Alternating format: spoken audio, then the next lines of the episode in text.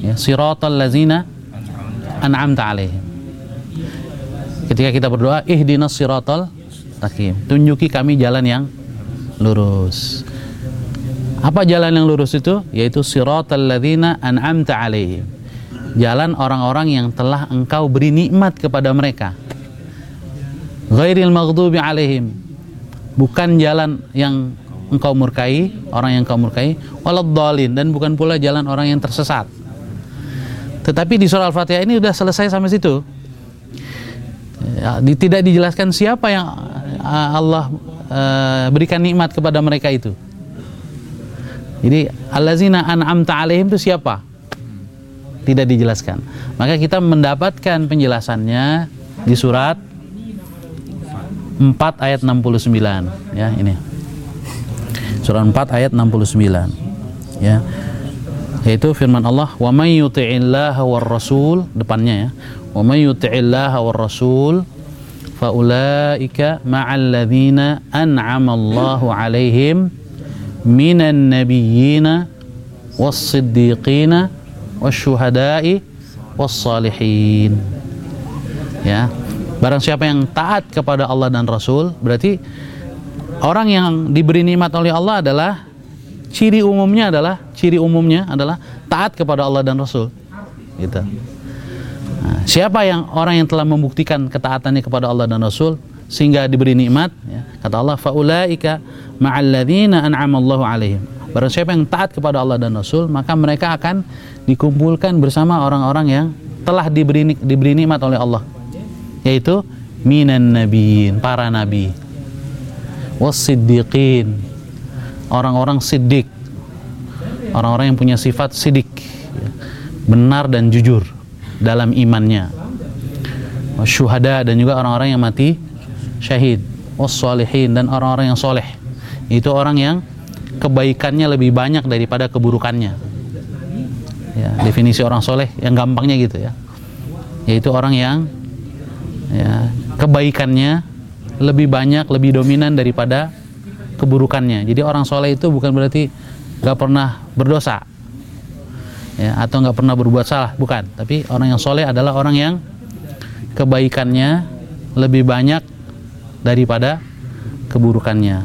Sebagaimana firman Allah, "Faman sakulat mawazinuhu fahuwa fi 'ishatir radiyah." Barang siapa yang lebih berat timbangan amal kebaikannya ya daripada dosa-dosanya maka dia masuk surga dalam kehidupan yang menyenangkan ya, di surga ya diridhoi oleh Allah Subhanahu wa taala ya kita kan apa nggak tahu nih hitung-hitungannya kadang amal amal baiknya lebih banyak apa amal buruknya Ya. jangan kita malah termasuk yang fasik kan Ya. Nauzubillah gitu. Hmm, hmm. itu gimana Ustaz menanggapinya? Ya, seorang muslim uh, seorang mukmin sebaik apa pun dia itu pasti memang punya perasaan itu. Ya, uh, perasaan bahwa dia khawatir amal baiknya tidak diterima, dia khawatir dosa-dosanya tidak diampuni oleh Allah Subhanahu wa taala. Itu perasaan yang bagus. Tetapi jangan sampai berlebihan. Jangan sampai berlebihan apa yang dimaksud berlebihan membuat kita menjadi putus asa dari rahmat Allah, membuat kita malah tidak move on untuk beramal soleh, gitu. Tapi perasaan itu bagus selama itu justru memecut kita untuk karena saya khawatir, ya maka saya harus selalu beramal soleh dan yang sudah saya lakukan harus saya tingkatkan kualitasnya. Nah, itu positif berarti perasaan itu, ya kan?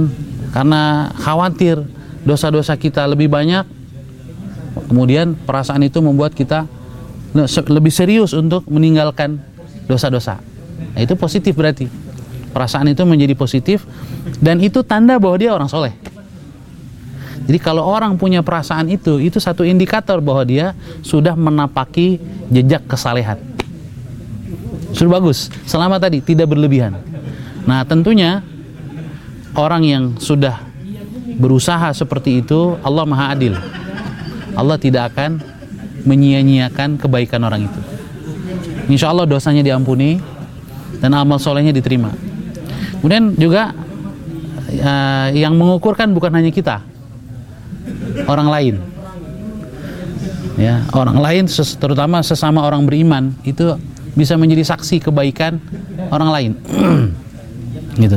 Makanya eh, ya yang paling final ya kalau dia sudah meninggal orang itu sudah meninggal. Ya biasanya orang-orang sekelilingnya itu menjadi saksi ini orang baik atau tidak. Kalau dia baik banyak orang yang merasa kehilangan. Kalau dia tidak baik orang malah ah, syukurlah nggak ada lagi dia kan itu nauzubillah min dzalik gitu ya.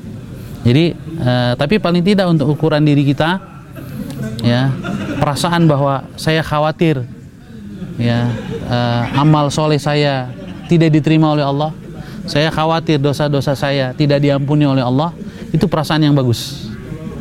Harus dipelihara itu namanya kita tidak gurur tidak merasa diri sudah hebat.